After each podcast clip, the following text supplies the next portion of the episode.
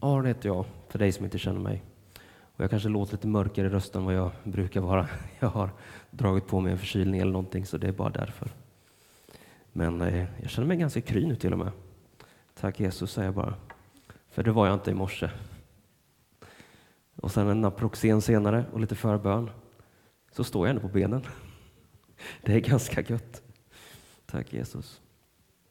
Hörrni, jag, har ju, jag har precis blivit pappa. Det är därför jag inte varit här på ett tag. Jag är så glad.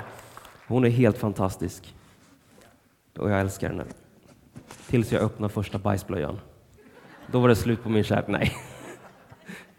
Nej, hon är fantastisk. Miriam Anna Tora Svernedal har vi döpt henne till. Tror Skatteverket borde registrera det snart. Miriam är efter Mose och Arons syster, stora syster i Andra Mosebok. Hon benämns ju som den första lovsångsledaren. Så jag även måste ju ha det namnet liksom. Och som teologistudenter och nördar så har vi också döpt henne till Tora. Och det är inte det fornnordiska Tora, det är Torah. Som är Guds lag, brukar vi i frikyrkan gärna översätta det till. Men det betyder också Guds undervisning. Eller det är Guds undervisning. Det är undervisning, lag eh, och vägledning. Det är ganska passande. Men visste ni att det fornnordiska Tora betyder också något ganska bra? Segrarinna. Alltså jag är så nöjd med det här. Så jag måste säga det inför alla. Hon kommer bli en riktig vinnarskalle. Segrarinna. Ja, livsfarligt. Kommer få en jobbig dotter i tonåren. Hörrni, på grund av henne så har jag varit borta jättelänge och jag skulle predikat för typ en månad sedan. Eh, men då typ eh, när det var dags för gudstjänst så sov jag nog på sjukhuset för att hon just hade blivit född. Så det var därför jag inte var här då. Christer fick ta den predikan. Men jag tänkte liksom, jag hade ändå tankar inför det. Jag ville liksom knyta an till det här med, som jag predikade om gången innan, att vi är fria att vända hem, fria att hos, i vårt hem hos Gud. Liksom. Och det som är så bra är att andra advent, då är temat enligt kyrkåret Guds rike är nära. Och på ena kung har vi satt, jag även satte ju tema för hela terminen på vårt ungdomsarbete i, eh, ja, i somras. Och då satte vi att den här veckan ska det vara hoppet vi har i Jesus, eh, vårt evighetshopp. Så liksom, det blir ungefär det jag skulle predika om senast, men det passar ganska bra också in på andra advent. Så vi kör på det. Och det är det här att du är älskad, som är liksom kärnan, känner jag, i Guds rike. Du är älskad. Och det är på grund av att du är älskad som vi kan dra oss nära honom.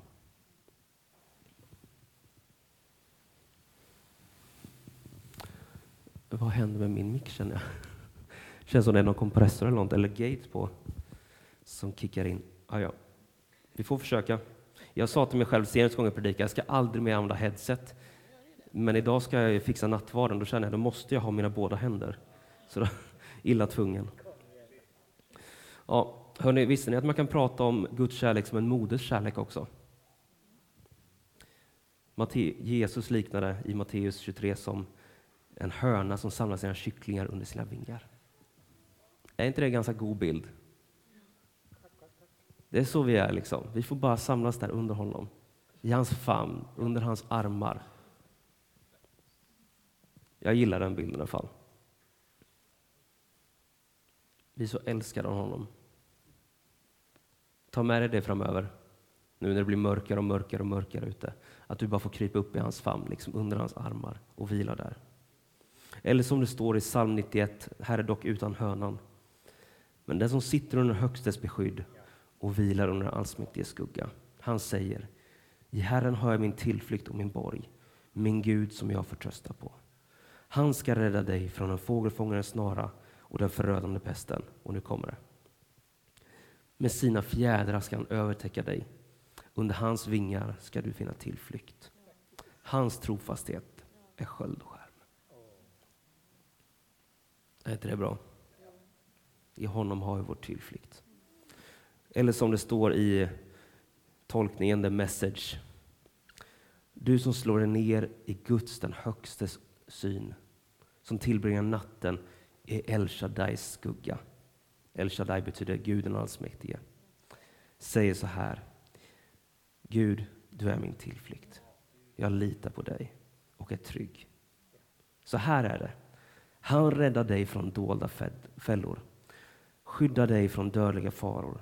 Han sträcker ut sina väldiga armar och skyddar dig.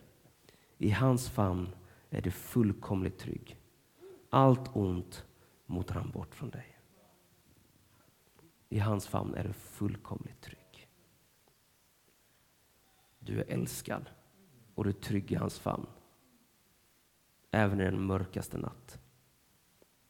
Och när livet tar sådana vändningar att det blir mörkaste natt och det känns som Gud är långt, är långt borta, så är han inte långt borta.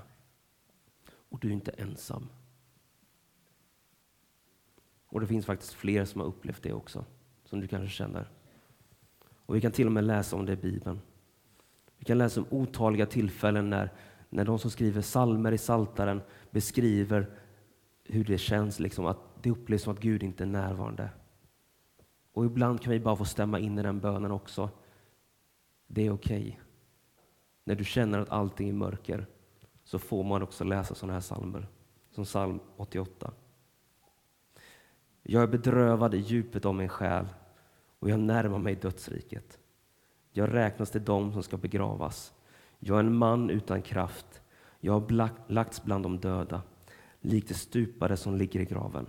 Det som är bortglömda och som inte mer får någon hjälp. Kan det bli jobbigare än så? Det kan det. Min favoritvers från Predikaren. Tomhet, idel tomhet, säger Predikaren. Tomhet, idel tomhet. Allt är tomhet. Det här är en vers jag gillar att återkomma till när jag tycker att livet är lite mörkt och vet att det finns någon som har haft värre än jag. Man kan alltid ha det värre. Och så här kan det vara i livet. Och jag vill bara säga, det är okej. Okay. Du är ändå älskad. Även fast allting känns mörkt och du känner dig trängd. Du är älskad. Och han vill bara ta in dig under sina vingar och hålla dig nära.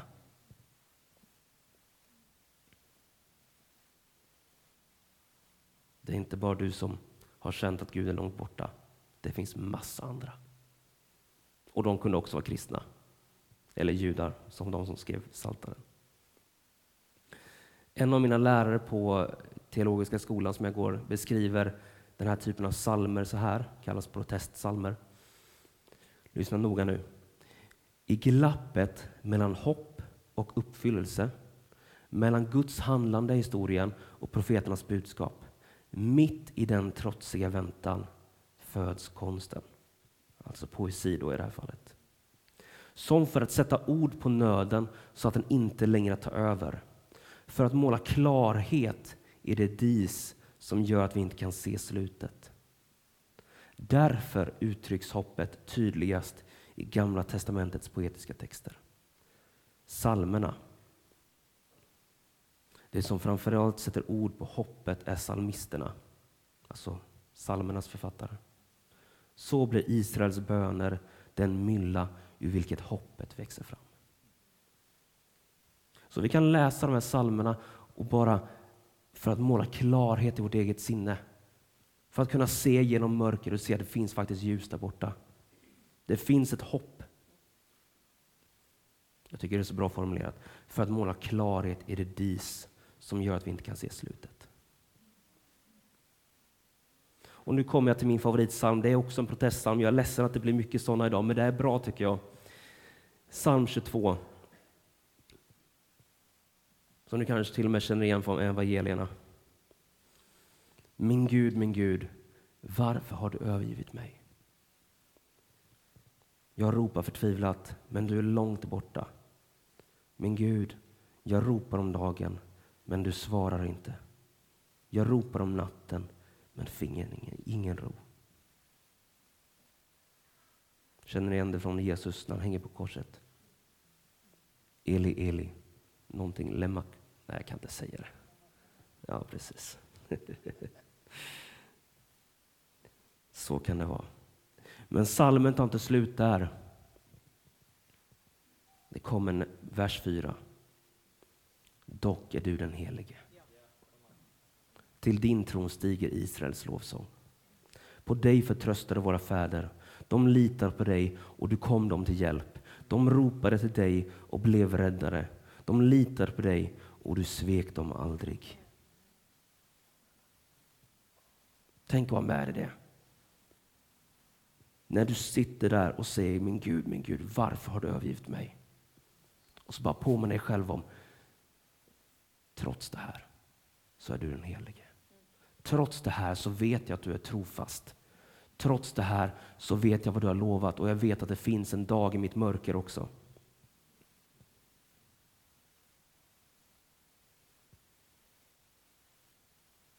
Och tänk Jesus hängde där på korset. Min Gud, min Gud, varför har du övergivit mig? Kan man tänka sig att han kanske hängde där och visste då, vers 4, dock är du den helige. Jag tycker det är en så bra, bra formulering. Dock är du den helige. Till din tron stiger Israels lovsång. Alltså ta med dig det som en refräng i ditt liv. I med och motgång, dock är du den helige. Dock är du den helige oavsett vad jag går igenom, oavsett vad som händer mig. Dock är du den helige och du har lovat mig räddning.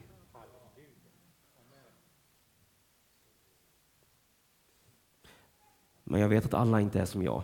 Alla kanske inte känner att de klarar av ens att säga det, att erkänna det som är sant.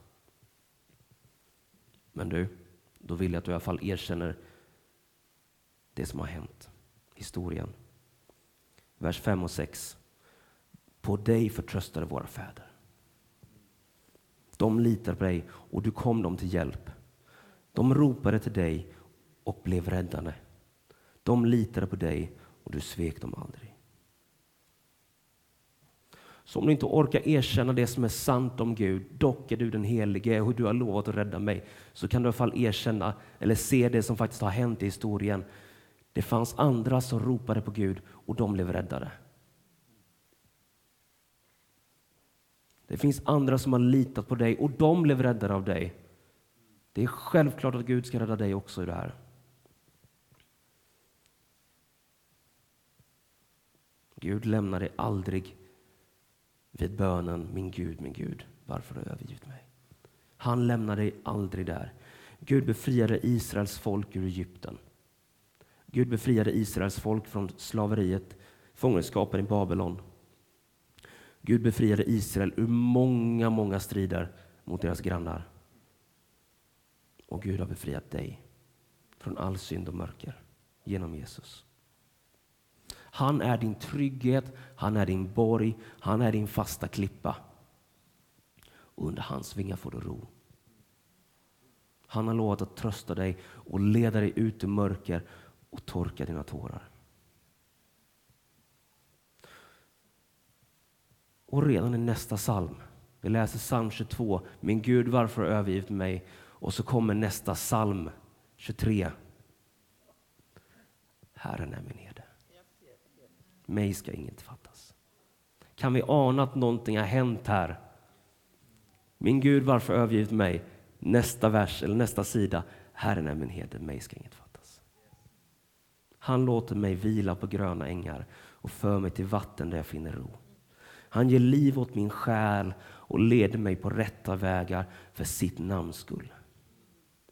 För sitt namns skull. För han har lovat det. Och han håller sitt ord. Och han lovar genom sina profeter. Till exempel i Jesaja 25. Herren Sebot ska på detta berg göra en festmåltid för alla folk. Han ska utplåna döden för evigt. Herren ska torka tårar från alla ansikten och ta bort sitt folks vanära från hela jorden. Herren har talat. I have spoken. Har vi några Star Wars-fans här? Någon som sett Mandalorian? Min fru har gjort det, jag har gjort det. Det är underbart. Vart är alla mina ungdomar som har sett på det här? Det finns en karaktär där som avslutar varje mening med I have spoken. Det blev nästan starkt kände jag när jag såg det första gången. Han var så en liten vis gubbe. Tänk en Yoda-karaktär liksom. Om ni vet vem det är? Nej, ingen vet vad det är. Men ta med det. I have spoken. Det är vad Gud säger. I den engelska översättningen av den här versen står det God has spoken. Det är vad David läser uppe i tolkningsbåset just nu. Ja, det jag skrev ut versen åt honom och så han läser det, det vet jag. God has spoken. Gud har talat. Och sen kommer Jesus. Och så i Lukas 16 så, så kommer en programförklaring. Han säger då Saliga ni som är fattiga, för Guds rike tillhör er. Saliga ni som hungrar nu, för ni ska bli mättade. Och så kommer det, salig är ni som gråter nu, för ni ska få skratta. Ni ska få skratta. Och Gud visar aposteln Johannes vad som kommer ske vid tidens slut och skriver ner det i Uppenbarelseboken. Och Gud säger det så här, och det är så vackert tycker jag. Och jag såg en ny himmel och en ny jord. Den första himlen och den första jorden var borta. Och havet, havet är en bild för allting som är kaos, mörker, allting som är emot Gud. Fanns inte mer. Havet fanns inte mer. Och jag såg den heliga staden, det nya Jerusalem, komma ner från himlen, från Gud, redo som en brud för smyckad för sin man. Och jag hörde en stark röst från tronen. Se, nu står Guds boning bland människorna. Han ska bo hos dem och de ska vara hans folk och Gud själv ska vara hos dem. Och han ska tolka alla tårar från deras ansikten, från deras ögon. Döden ska inte finnas mer. Ingen sorg, ingen gråt och ingen plåga. För det som var förr är nu borta. Och han som satt på tronen sa, se, jag gör allting nytt. Allt mörker är borta.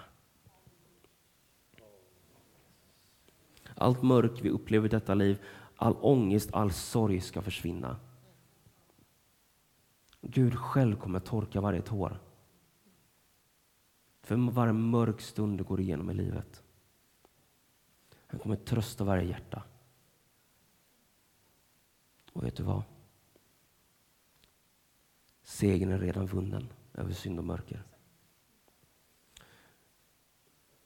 Det som gör att det här är möjligt, det är Jesu verk på korset och det är redan färdigt. Det är redan klart. Och vi får bara vänta in att det kommer i sin fullhet. För just nu är det kanske inte riktigt så här i vår värld just nu. När vi har krig i Ukraina, skyhöga elpriser i Sverige. Men det kommer en dag. Och som kristna lever vi mellan adventen, liksom, Herrens ankomst. Och vi ber samtidigt, Herre kom, Maranata. Och vi lever i den här spänningen mellan att han har kommit och ska komma och göra det fullbordat. Och vi får vara med och utbreda det riket. Ropa ut att det har kommit. Det är här, men det är inte i sin fullhet. Det är nu, men ännu inte. Vi kan smaka på det nu, men då kommer vi uppleva det fullständigt. Och Det är så här vi brukar prata om det när vi pratar om Guds rike. Att verket är färdigt, allt är klart som behövde göras, men det kommer i sin fullhet senare.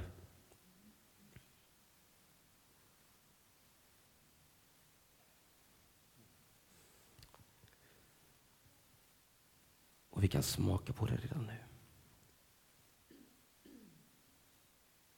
När vi firar gudstjänst, när vi samlas, när två eller tre är samlade i hans namn när vi samlas som syskon, som Guds barn här,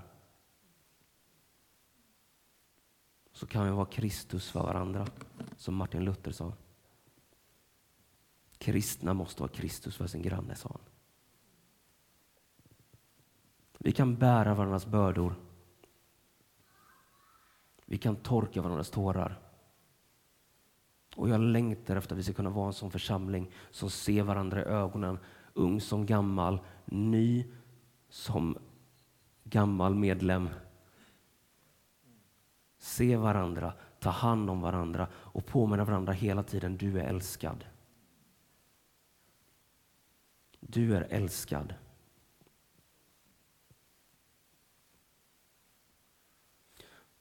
Och vi vill ju vara en mötesplats och ett hem. Det är lite vår slogan för det här huset. Jag tänkte det, vi kanske till och med borde typ byta namn till Mötesplatsen. En mötesplats och ett hem. Nej, det behöver vi inte göra. Men tänk att få vara verkligen en mötesplats mellan himmel och jord. Där varje person som sätter sin fot här bara får höra att du älskar den högste. Det finns frihet för dig. Det finns glädje för dig. Du behöver inte sörja mer.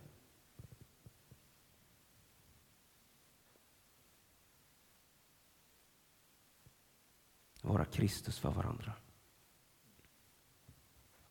Kanske låter lite som att man... vad ska man säga? Kanske känns lite konstigt att säga det att jag ska vara Kristus för min granne, men det är det uppdrag du har. Att vara kristen är att vara en liten Jesus. Du får göra exakt det som Jesus gjorde. Både mot alla de som redan sitter här inne och varenda person som kliver in genom vår dörr som aldrig varit här tidigare. Och för varje person på din arbetsplats eller på din skola. Vara Kristus för dina vänner. Vad innebär det? Hur skulle det se ut, tänker ni?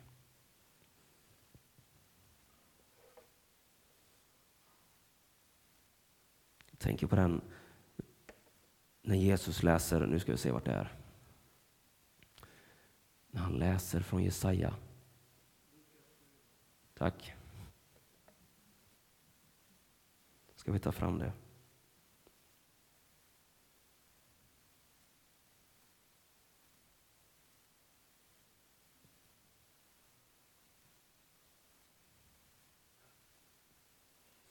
När han kom till Nasaret, där han växte upp, gick han som vanligt i synagogan på sabbaten.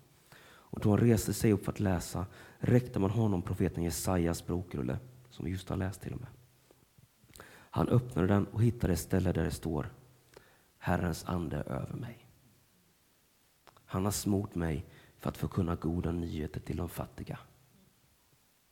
Han har sänt mig för att förkunna frihet för de fångna, syn för de blinda och befria de förtryckta och ropa ut ett nådens år från Herren. Det är vårt uppdrag. Andligt eller fysiskt.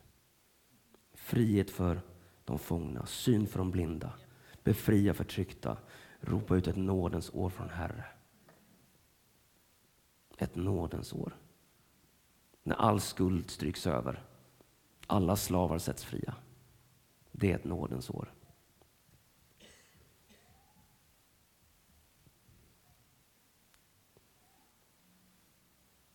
Och vet du vad? Du är älskad. Låt oss aldrig glömma det. I första, först och främst så är du älskad av Gud. Och du är först och främst kallad till gemenskap med honom och bli älskad av honom. Vi är sända till den här världen att proklamera ett, ett nådens år från Herren.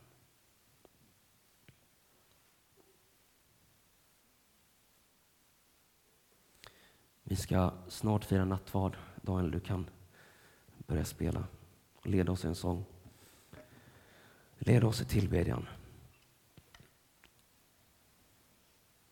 Vi ska fira nattvard när vi verkligen får påminna oss, som jag sa, där vi får smaka på brödet och smaka på, på saften och påminna oss och känna med våra sinnen det verk som Jesus har gjort för oss.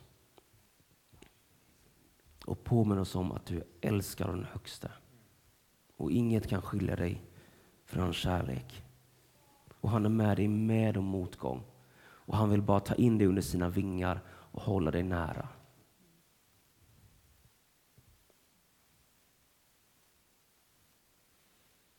Så jag säger till dig, låt det sjunka in nu. Daniel leder oss i tillbedjan och Betty och vi som ska vara med och tjäna ska tvätta händerna och sprita händerna under tiden. Jag ska sprita extra mycket känner jag.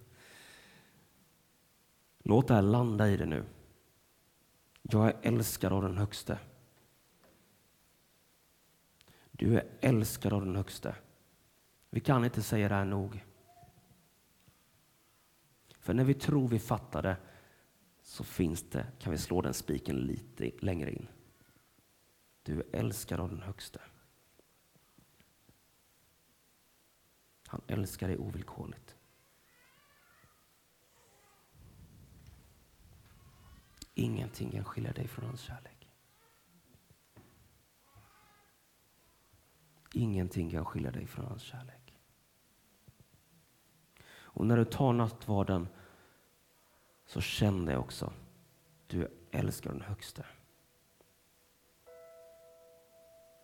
Och om du är här idag som kanske inte känner Gud, som vi pratar om, som älskar dig så ovillkorligt, om du inte känner att du har en sån relation med Gud, så är du också välkommen fram till nattvarden. Så får du också ta del i det han har gjort för dig. Och om du inte vet hur man gör så är det bara att kika på de andra. Och jag ska förklara också hur vi ska göra praktiskt sen. Men du är också välkommen fram. Som vill lära känna den här guden som älskar dig. Och om du är här idag och känner att du går igenom en tid av mörker, att det bara är nattsvart. Ta nattvarden och så säger du, dock är du den helige. Han har lovat dig frihet. Han har lovat dig ett nådens år.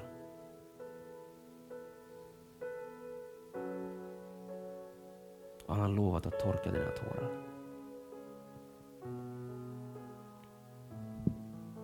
Jesus, tack. Tack för det du gjort för oss. Tack att ditt rike är nära. Tack att du bara är en arm, armslängd bort från oss. Jag ber att du kommer och, och stadfäster det här jag sagt idag i varenda hjärta. Att vi var och en är hög, så älskade av den högste.